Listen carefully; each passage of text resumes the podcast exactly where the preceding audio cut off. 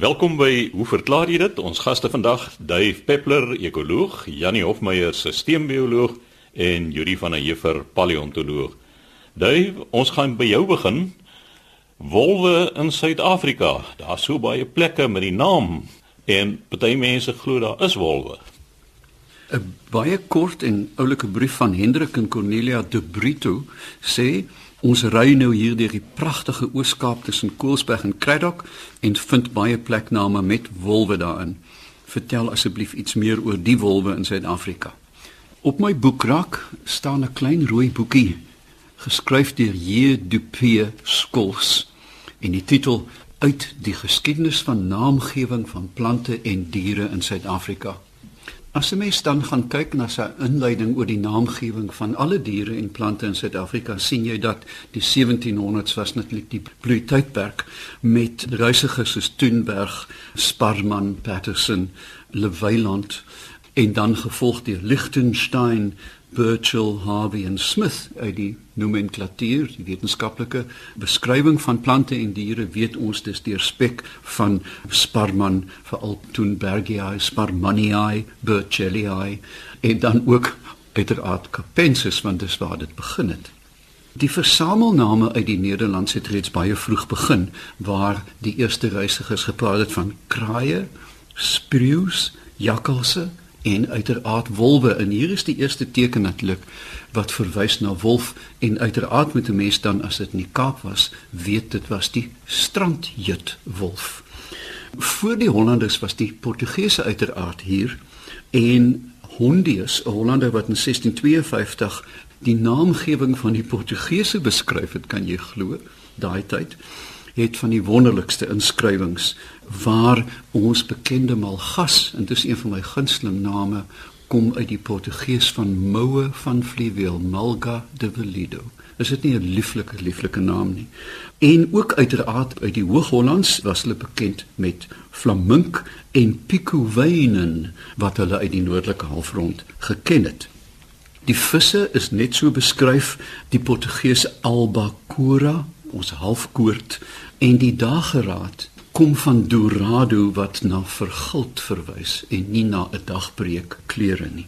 Mens kan ook dan verstaan waar dat die naamgewing by die see begin het en by die kus met Jakob Everson wat nader aan die Jakobever geword het en hulle het gepraat van kaapvoëls, die suidelike voëls soos die malmok en uiteraard ook die walvisse die Noord-Kaper wat 'n hele halfrond verskuif het omdat hy getrek het op die noordelike kapers wat ons vandag kappers noem eintlik.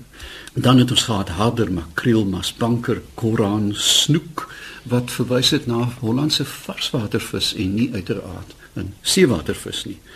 By die voëls was dit netlik bergeend, 'n samestelling snip wat hulle geken het, waterhoender wat hulle geken het, kropgaans. Wanneer laas het ons die woord kropgaans gehoor? 'n Ou vriend van my van die Weskus het altyd van kropgaanse gepraat. Reier, kwartel, duiker, koran ensovoorts. Maar nou by die soogdiere was daar 'n uh, Babelse verwarring en veral as dit gekom het by die wolwe en die tiere. Nou die tier wat in Hollands bekend staan as 'n luipaard of 'n panter het um, uiteraard sy beslag gekry by ons luiperd, maar ook natuurlik ook die hyena het ons almal verwys na wolwe. Selfs vandag nog baie baie boere praat veral in Namibië as dit kom by die strandjie, die bruin hyena as die wolf. By ons jakkalse was daar nie soveel verwarring nie, alhoewel dit nie dieselfde genus is uiteraard wat in die noorde voorkom nie. Selfde geld vir die das of klipdas wat eintlik verwys na 'n spesies meeles, jy weet wat heeltemal in 'n ander orde voorkom. Gemsbokke het geen vergelyking met die Europese gams byvoorbeeld of gems nie. 'n Steenbok nog minder want dit verwys na Capra ibex, 'n ding wat in die berge rondhop. Eland, reebok, hartebees word dan gruwelik verwarrend as 'n mens kyk na die Europese oorsprong daarvan. Ons het hoofsaaklik afleidings gemaak ons voorsate met wat bekend was aan hulle. Afrika was 'n of die suidelike halfrond in daai geval was eintlik maar 'n onbekende halfrond in daai tyd en alles was donker en vreemd en as jy mens kyk na die boeke was daar halfmense, kannibale, jy het oor die rand gevaar ensovoorts ensovoorts. Veral interessant dan laastens is die seekoei, die Engelse sea cow of Duits sea koe wat eintlik verwys na 'n lamantyn, die dugong. Daar is twee spesies wat wel by ons voorkom, maar hier was 'n verplasing van sout na varswater. So Hendrik en Cornelia, dit is eintlik 'n rykdom aan lieflike foute waarmee ons te doen het by die naamgewing. En dit maak Afrikaans juis so ryk en kleurvol. Dit bewys ook ons verbintenis met ons noordelike klassieke tale van herkoms. Die koker vir my van Afrikaans is vol suurlike en skerp pile en ek kan my nie in 'n denkwêreld sonder Afrikaans indink nie. So sê Dave Peppler, ons ekoloog, en Jannie, jy het dit oor CRISPR en bakterieële immuunstelsel. Chris, die vraag kom van Jean van Eden. Ek neem aan dis Jean en nie Jean nie, want daar's nou nie nog 'n NE agter die naam nie. Van die strand. Sy sê ek geniet die program baie en wil graag dat julle CRISPR Cas9 verduidelik. Nou CRISPR, ek meen wat vir 'n snaakse naam is dit? Dis 'n afkorting vir die Engels Clustered Regularly Interspaced Short Palindromic Repeats. En ek sal nooit weer daardie frase gebruik in my antwoord nie. So, maar dis maar net 'n beskrywing van wat later uit my antwoord uit duidelik sal word. Voordat ek begin met CRISPR en die Cas9 sal ek ook verduidelik. Moet ek bietjie praat oor immuunstelsels want eintlik is die CRISPR-stelsel iets wat ons in die afgelope dekade ontdek het, naamlik die basis van immuniteit in bakterieë, iets wat ons glad nie geweet het bestaan nie. So bakterieë het 'n stelsel wat hulle immuun maak teen hulle predatore, naamlik virusse of bakteriofage. So om dit te verduidelik, wil ek eers bietjie teruggaan na die menslike immuunstelsel toe. Natuurlik die menslike immuunstelsel is daar om molekules wat die mens bedreig vreemd is te herken en te onthou. En hierdie molekules die kom gewoonlik op die oppervlak van bakterieë en virusse voor. En hulle is meestal proteïene of selfs afgeleides van proteïene soos byvoorbeeld proteïene wat aan koolhidrate gekoppel is sogenaamde glikoproteïene so eintlik wat die immuunstelsel herken is molekules op die oppervlakte van bakterieë en virusse Die immuunstelsel pas dan nou aan deurdat dit na die eerste blootstelling aan hierdie liggaamsvreemde molekules, hierdie molekules onthou. Onthou nou in aanhalingstekens deur middel van die langlewende selle van die immuunstelsel, die T en die B selle. So as die liggaam nou weer 'n volgende keer aan die molekuul blootgestel word, dan wag daar 'n magdom van teenliggaampies en immuunselle gereed om die betrokke bakterie of virus te vernietig. Natuurlik hierdie immunologiese geheue is dan ook die basis waarop inenting berus, die ontwikkeling van inentingsstowwe. Wat nou spesifiek vir hierdie antwoord van belang is, is dat die immuniteit gedurende die loop van 'n mens se lewe opgebou word. En alhoewel daar nou wel 'n mate van immuniteit oorgedra word van moeder na kind, is dit egter nie iets wat in mense DNA vasgelê of oorgedra word nie. Met ander woorde, hierdie sogenaamde verworwe immuniteit is nie geneties oordraagbaar nie. Dit is 'n belangrike punt. Nou, kom ons kom by die bakterieële immuunstelsel. Dis nou so gesê onlangs ontdek en dit word bemiddel deur hierdie sogenaamde CRISPR-Cas. In Engels is die afkorting CAS. Kom ons noem dit nou maar die CRISPR-Cas-stelsel. So, dis gebaseer op dieselfde soort van beginsel as die menslike immuunstelsel in dat dit herken en onthou vreemde indringers, maar vir bakterieë is die vreemde indringers virusse en nie net die hele virus nie, maar eintlik spesifiek net die DNA van die virus. Want wat gebeur is dat mens kan dink aan bakterieële virusse of bakteriofage as partikels wat op die oppervlak van die bakteriesel gaan sit en dan maak hulle 'n gaatjie in die membraan van die bakterie en spuit hulle DNA binne in die bakterium in. Met ander woorde, die proteïenkapsel van virusse die bly buite. So die binnekant van die bakterie word nooit blootgestel aan die proteïene van 'n virus nie, maar slegs aan die virale DNA molekuul. So die virale DNA in die normale gang van sake neem dan die bakterie se proteïen sintese stelsel en die stelsel vir die replisering van die DNA neem dit oor en gebruik dit dan om nuwe virale DNA te maak in nuwe virale proteïene. So dis soos die Engelse sê dis 'n hijack van die stelsel, 'n kaping van die proteïen en DNA repliseringsstelsels. En dan word dan nou nuwe viruspartikels gevorm en op die ou end dan bars die bakteriesel oop en stel duisende van hierdie nuwe virusse dan vry om hulle nuwe teikens te gaan vind. So 'n bakterieële immuunstelsel die moet dus virale DNA kan herken en in aktivering. Dis nou waar hierdie CRISPR-Cas-stelsel inkom. So dis 'n redelike komplekse stelsel. Dit bestaan uit 'n stel ensieme wat onder die versamelnaam van Cas genoem word, CAS. Een van hierdie Cas-ensieme is nou baie spesifiek in dat dit soms virale DNA as vreemd herken. Dit gebeur slegs af en toe, dit is 'n rare gebeurtenis, maar as dit gebeur, dan in so 'n geval sny hierdie Cas-ensiem 'n klein stukkie van die virale DNA uit en voeg dit dan binne in die bakterie se eie DNA in. En dit is nogal uniek. So hierdie stukkies virale DNA dien dan as 'n soort van 'n streepieskode, die Engelse barcode vir die herkenning van hierdie spesifieke virale DNA. So hierdie streepieskodes, hierdie DNA streepieskodes, die staan as spasieerders bekend en in 'n bakterium is daar 'n spesifieke plek in die DNA waar al die spasieerders vir die virusse waarmee die bakterium en sy voorsate nou al in aanraking was gestoor word. So dis 'n lang stuk van die DNA en hierdie spasieerders kom dan daarin voor as 'n soort van 'n ry. Nou die tweede ensiem van hierdie Cas-stelsel, die transkribeer nou van hierdie spasieerders en in 'n transkripsieproses word die DNA vertaal na 'n ander vorm van 'n polinukleotied wat bekend staan as RNA en die RNA bevat dieselfde inligting as die volgorde van die spasieerder in die stikstofbasisse. Met ander woorde, dit is eintlik 'n soort van 'n kopie van daardie spasieerder. So elke kort RNA wat gevorm word, dit dra dus die streepieskode vir 'n spesifieke virus.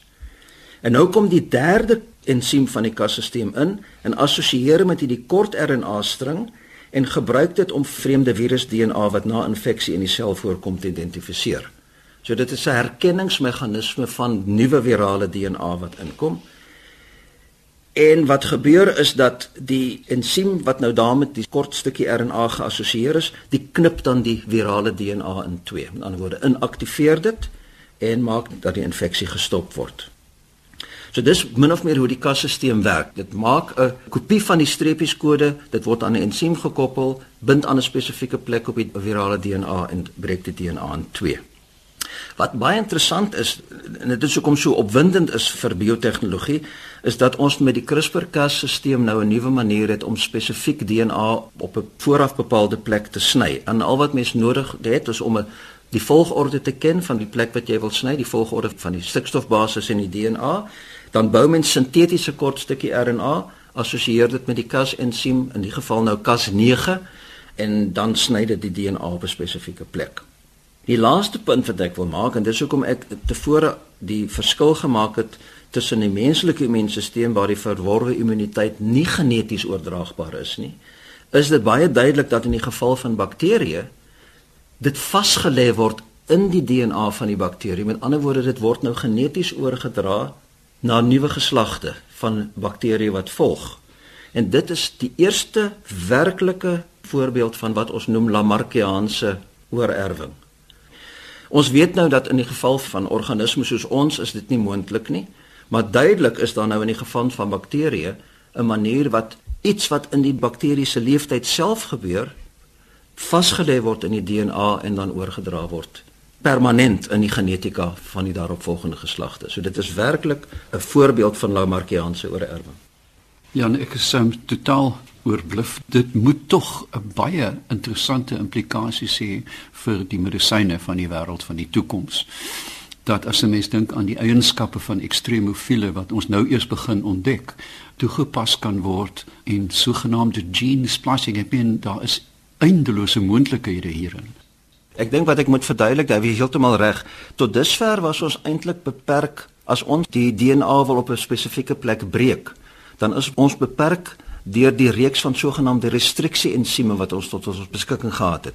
So dit is ensieme wat deur bakterieë gemaak word en wat elkeen sny die DNA op 'n spesifieke plek. maar jy's beperk tot die repertoire wat hierdie ensieme vir jou gee. Nou het ons 'n manier om op enige plek spesifiek die DNA te kan sny, beide dubbelstringe op dieselfde plek. So mens kan nou wat hulle noem gene splicing of gensplyting kan mens nou baie baie spesifiek doen. So jy kan nou in 'n genoom kan jy 'n ander stuk DNA van 'n ander organisme op 'n spesifieke plek inbou. So dit maak 'n enorme verskil aan ons vermoë om met DNA te werk. En dit is waar die opwinding oor die CRISPR-stelsel nou vandaan kom. Janie Hofmeyer, ons stelselbioloog wat so gesels, volgende aan die beurt Yuri van der Heever en Yuri, jy gesels oor sterte by soogdiere. Chris, 'n baie interessante brief van Charles H. Biggs van Randendal in Kreersdorp en hy het dit oor die sterte wat ons praat dit oor in 'n vorige program en hy wil nou presies weet wat die doel of die werk van sterte by diere is veral soogdiere en um, hy noem gebruik dat daar by sekere honde soos Jack Russells is die sterte tradisioneel afgesit om stompies te hê. Dis mag dit nou nie meer gedoen word nie. Party mense sê die hondjies is gebruik om kleiner soogdiere te jag en dikwels in gate of in bosse in te gaan en dan is dit maklik om die hond uit te kry om hom aan die kort stertjie te neem en uit te trek uit die gat uit. Sy eintlike ding is dat hy sê wanneer die sterte afgesit is dan lyk dit nie of daar eintlik 'n negatiewe reaksie is by die hond se natuurlike optrede nie en dan noem hy 'n besonderse voorbeeld. Hy sê 'n paar jaar gelede in die winter het 'n kat, hy sê nie of dit hulle kat was nie, maar uh, het 'n kat die gewoonte gehad om onder die masjienkamp van sy motor in te klim en daar te slaap omdat dit warm was.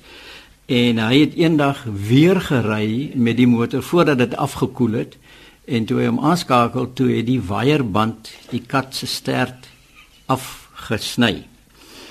Nou ek wil graag lees wat hy hier sê. Hy sê die kat was heeltemal van balans af en het met moeite regop gebly en moes uiteindelik van voor af leer loop. Die kat kon glad nie eet nie en ons moes die kat vir 'n redelike lang tydperk voer totdat die kat weer die vermoë om te eet opnuut herwin het. Ek sou graag wou weet of bogenoemde twee sake moontlik verband hou en of dit te doen kan hê met die verlies van die kat se stert. Charles, ek dink nie die onvermoë van die kat om te eet of sy balans is eintlik geaffekteer deur die verlies van die stert nie, want as ek nou vir my moet voorstel wat met die kat gebeur het, is dat toe jy die masjiene aangeskakel het en die stert is afgesny, het die kat waarskynlik hewig gereageer en 10 teen 1 sy liggaam of sy kop gestamp sodat die onvermoë om te eet, om daai koördinasie te doen en balans dink ek het miskien nie met die ster te doen nie, maar met skade wat die kat trauma wat die kat opgedoen het in daai oomblik.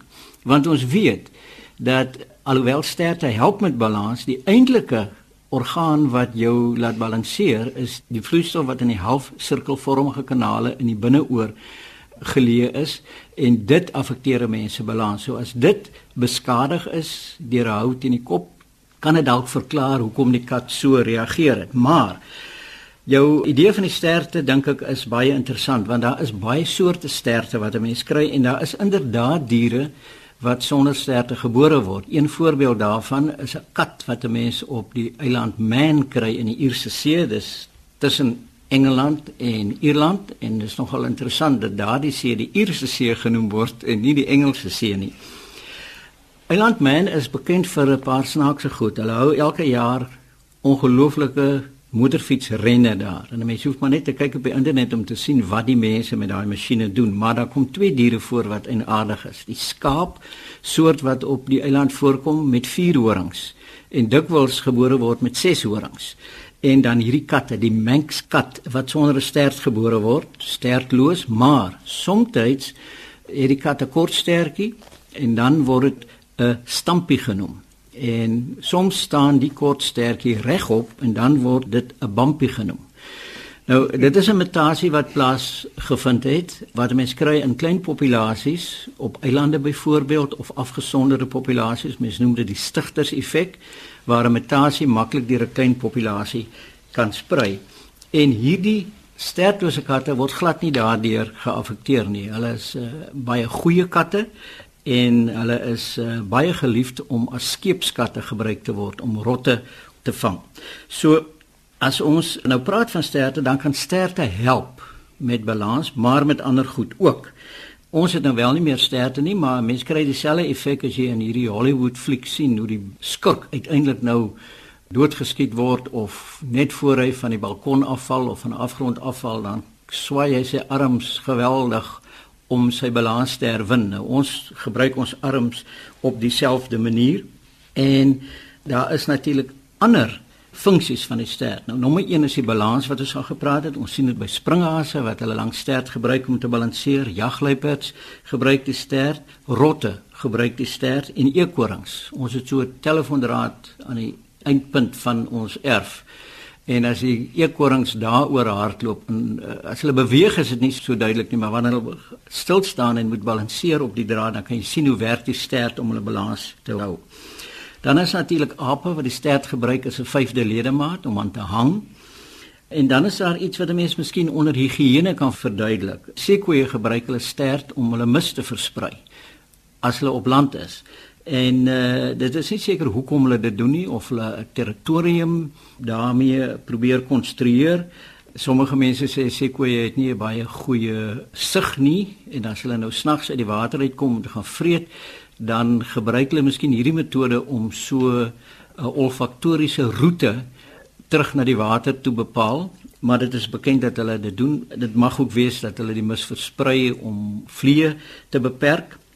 Dan is daar natuurlik termoregulering om jou temperatuur te beheer en dit is ons almal mee bekend. Chris sit juis vandag met so 'n moulose baadjie hier en uh, dit is presies wat gebeur by blouape, by mense en by rotte. Blouape se sterte het 'n bloedstelsel wanneer dit baie koud is, dan kan hulle die bloed herlei dat dit nie oppervlakkig loop nie of om die warm bloed wat van die hart afkom dan teen die kouer bloedvate laat loop wat terugkom van die stert af om dan so met 'n teenstroom hitteuitruilingsproses die hitte in die liggaam te hou en nie na die stert toe laat gaan nie.